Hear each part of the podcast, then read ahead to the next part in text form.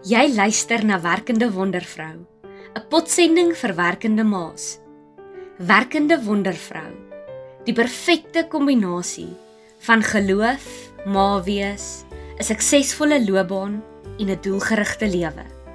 Aangebied deur besigheidsvrou en ma van 2, Rona Erasmus. 15 minute elke Vrydag om 1uur.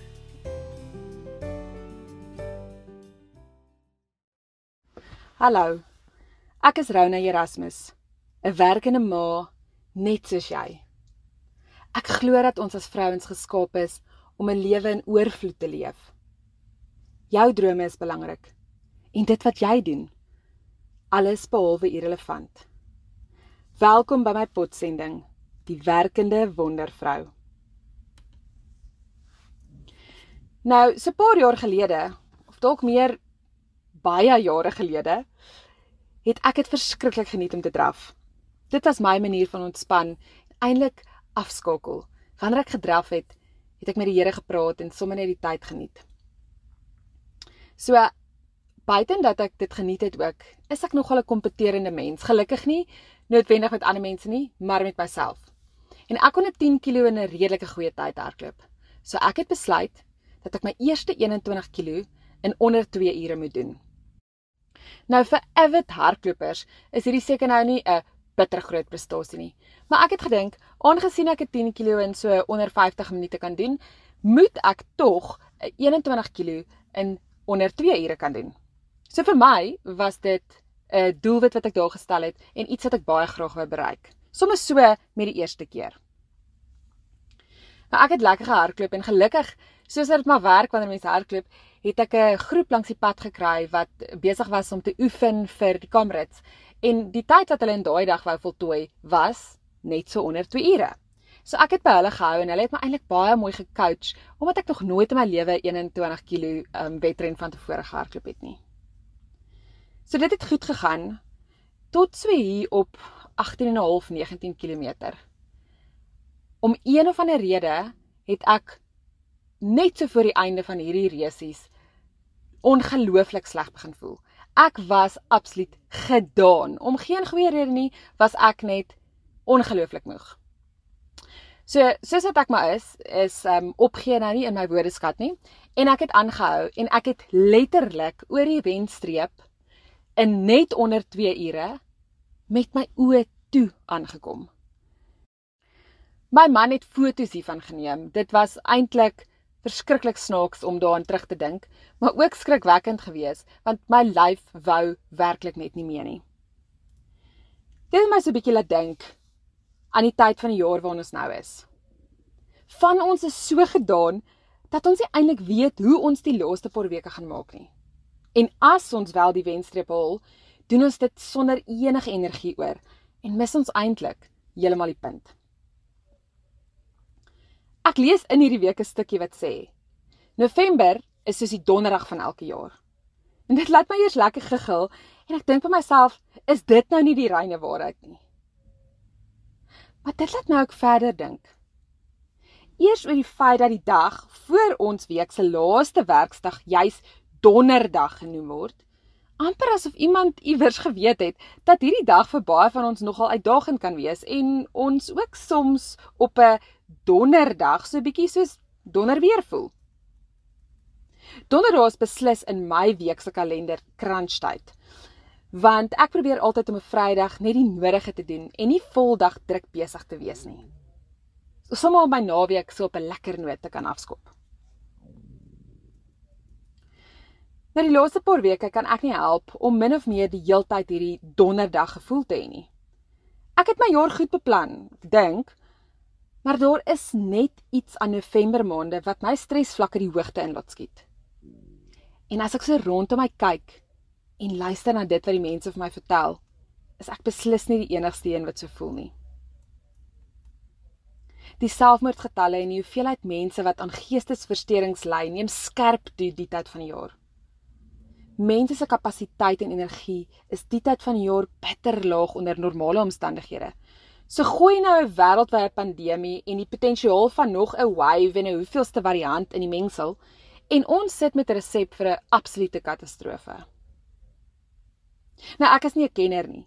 En ek weet ons elkeen se omstandighede, ons kapasiteit en die manier wat ons die wêreld en dit wat rondom ons aan die gang is ervaar, is totaal en al uiteenlopend.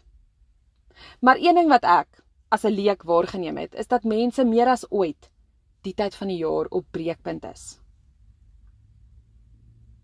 Ek moes ernstig gaan ondersoek instel hoekom ek so gespanne voel die tyd van die jaar en kan my persoonlike gevoelens toeskryf aan 'n paar faktore. Jou lysie gaan waarskynlik heeltemal van myne verskil. Maar dalk is daar hier en daar ooreenstemmings. En hoef jy nie te dink dat jy die enigste een is wat so voel nie. So hier's my redes. Ek is fisies moeg. Ons oorleef al die laaste 20 maande min of meer op adrenalien. Want ons weet nie wat môre vir ons inhou nie. Almal is onseker en ons veg of vlug het ons tot hier gebring. Maar al ons reserves is nou min of meer uitgeput. Dan is ek om eerlik te wees emosioneel ook uitgeput. As iemand wat baie empaties is, is dit moeilik om nie op 'n manier ingesluk te raak deur al die hartseer en die negatiewe dinge wat rondom ons aan die gang is nie. Ek besef ook die tyd van die jaar dat sekere drome en doelwitte wat nog nie bereik is nie, nie hierdie jaar gaan bereik word nie. Dat ek amper nou by die afsnypunt gekom het en dit laat my teleurgesteld voel. Dan hierdie tyd van die jaar is daar soveel funksies en afsluitings wat mens nog moet en wil bywoon terwyl jy voel dat jy nog eintlik 110 ander dinge het om te doen voor die kinders al vroeg in Desember met vakansie gaan en jy eintlik nog 'n hele maand se werk ten minste het om iewers in te druk voordat jy oor 'n week of 3 bietjie met vakansie gaan.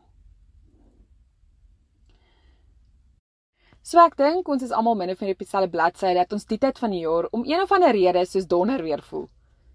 Maar is dit regtig nodig om elke jaar tot op die punt te kom? Is dit nodig dat ons die tyd van die jaar totaal en al uitgemergel en uitgebrand voel?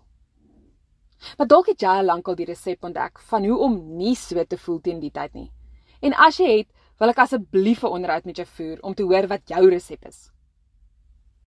Maar as jy soos ek hierdie jaar jouself weer vind dat jy moeg en oorlaai voel, is hier 'n paar idees wat ek met jou wil deel wat ek gaan implementeer in die nuwe jaar wat dalk vir jou ook van waarde mag wees wanneer jy die nuwe jaar beplan om hopelik minder gespanne en met meer energie die jaar tot op sy einde te kan deursien. Dalk is hier 'n paar goedjies wat jy sommer nou reeds kan implementeer. Sheryl Sandberg het 'n hoofstuk in haar boek Lean In getiteld Don't Leave Before You Leave. En dis my eerste stukkie raad aan jou.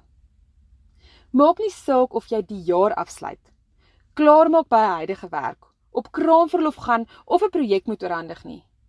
Moet asseblief nie aanskakel en aanbeweeg voordat jy nie dit wat gedoen moet word en tyd volvoer nie. Baie van ons sluit dinge in ons koppe af lank voordat ons met verlof gaan. En dan raak ons oneffektief en voer ons ons dagtake met baie min inspirasie uit. En dit maak ons weer meer gespanne. Hierdie is nie die manier om 'n jaar af te sluit nie. Jy moet dit wat jy doen deurgaans goed doen. Ek sê glad nie dat jy nuwe doelwitte die tyd van die jaar moet nastreef nie. Maar daaroor sal ek nou 'n bietjie meer gesels. Maar maak tog net seker dat dit waarmee jy tans besig is, waaraan jy die hele jaar so hard gewerk het, sinvol en doelgerig kan afsluit hierdie jaar. Die Bybel leer ons ook in Timoteus 4 om soos die atleet hierdie wedloop, hierdie jaar met geloof end uit te volhard, sodat ons die wenstreep kan bereik. Verkieslik met oop oë en 'n dankbare hart. Beplan 2022 vooruit. Eintlik moet jy beplanning vir 2022, al die datums, alles wat moet gebeur, alreeds vroeër in hierdie jaar gedoen gewees het. So hierdie is dalk 'n tip vir volgende jaar. Doen dit reeds wanneer jy nog goed voel, wanneer jy energiek voel, hier teen Augustus September se kant. Want wanneer jy dan dit agter die rug het, hoef jy nie al die druk hierdie tyd van die jaar in te sit om nog 'n hele volgende jaar ook te beplan nie. Dis beslis iets wat ek volgende jaar sal implementeer. My volgende stukkie raad. November is nie die tyd om doelwitte wat jy vir die jaar gehad het te begin nastreef nie. Ek weet daar was dinge wat jy so graag die jaar wou bereik en jy dink dalk dat daar nog genoeg tyd oor is vir seker hiervan. Maar vat sommer nou die druk van jouself af en sit 'n to be continued op daardie doelwitte en drome. Ek sê glad nie jy moet nou ophou om in die rigting daarvan te werk nie. Maar om jouself nou in 'n blik te probeer druk om iets te bereik wat eintlik nie nou meer bereikbaar is nie, sal jou net nog meer moer, meer gespanne en meer angstig laat voel. Sluit eerder die dinge waarmee jy besig is mooi af. Fokus op die basics en om dit wat jy nou doen goed gedoen te kry. Geleenthede gaan altyd weer oor jou pad kom. Maar gaan met jouself ooreenkoms aan dat jy geen nuwe geleentheid die tyd van die jaar van stapel gaan stuur nie. Skeduleer die tipe vergaderings vir nuwe geleenthede of die beplanning daarvan vir vroeg in die nuwe jaar. En as die geleentheid verbygaan omdat jy nie nou daarop kan spring nie, was dit nie jou geleentheid om mee te begin nie en berus hierby. Onthou dat waar Jesus deure vir my en jou wil oopmaak, geen mens ons daarvan kan ontneem nie. En as een deur dalk toe gaan, sal 'n ander beter een op die regte tyd oopgaan. Ons moet net aanhou vertrou.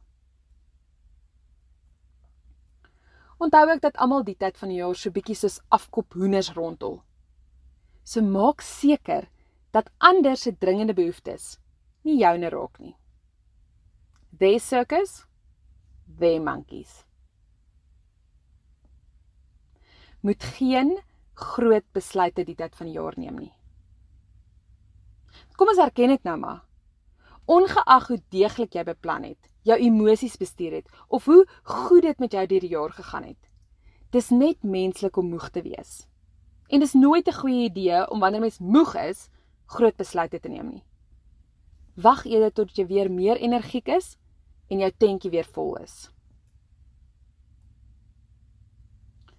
Hê ekstra genade die tyd van die jaar met almal rondom jou. Maar meer nog met jouself.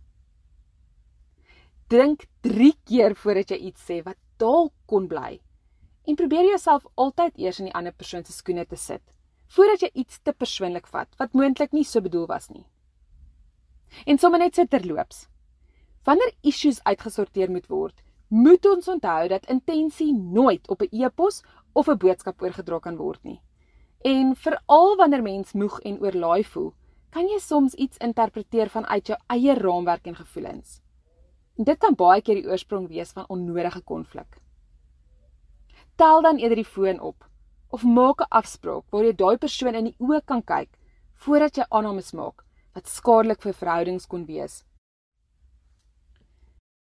'n Dankbare hart. Ek weet dat dit tyd van die jaar moeilik is. Maar dis juis wanneer ons moet fokus op dit wat ons het om vir dankbaar te wees.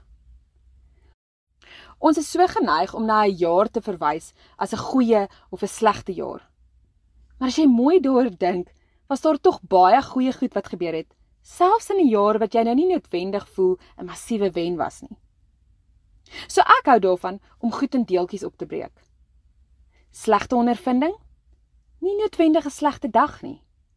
Slegte dag? Nie noodwendig 'n slegte week nie. Of hoogstens dalk slegte week, maar nie 'n slegte maand nie. En allermins nie altyd 365 dae van 'n jaar 'n slegte jaar nie. As jy elke dag dit wat jy het om voor dankbaar te wees neerskryf, is dit so lekker om elke nou en dan 'n terugblik te vat en te gaan kyk hoe goed dit eintlik met jou gegaan het die jaar. En dit maak ook nou vir my baie sin dat Amerika juis die tyd van die jaar Thanksgiving vier. So kom ons fokus ook nou meer as ooit op dit wat ons harte tot oorlopends toe volmaak. En laaste, maar beslis nie die minste nie. Haal asem. Daar is soveel bewyse dat om bloot net asem te haal werklik jou spanning kan verminder. Ek hou van box breathing. 4 tellings in. Hou vir 4 tellings jou asem op. 4 tellings uit. Hou vir 4 tellings jou asem op. En dit kan jy enige plek doen. Somme wanneer jy bestuur, wanneer jy in 'n vergadering sit waar jy gespanne voel enige plek. Ag ek wil jou aanmoedig om hierdie einde van die jaar goed af te sluit. Om met 'n dankbare hart terug te dink aan alles wat die jaar goed gegaan het en om te besef dat jy baie moontlik iemand anders se droom leef. Ek sien uit om volgende week weer saam met jou te kuier.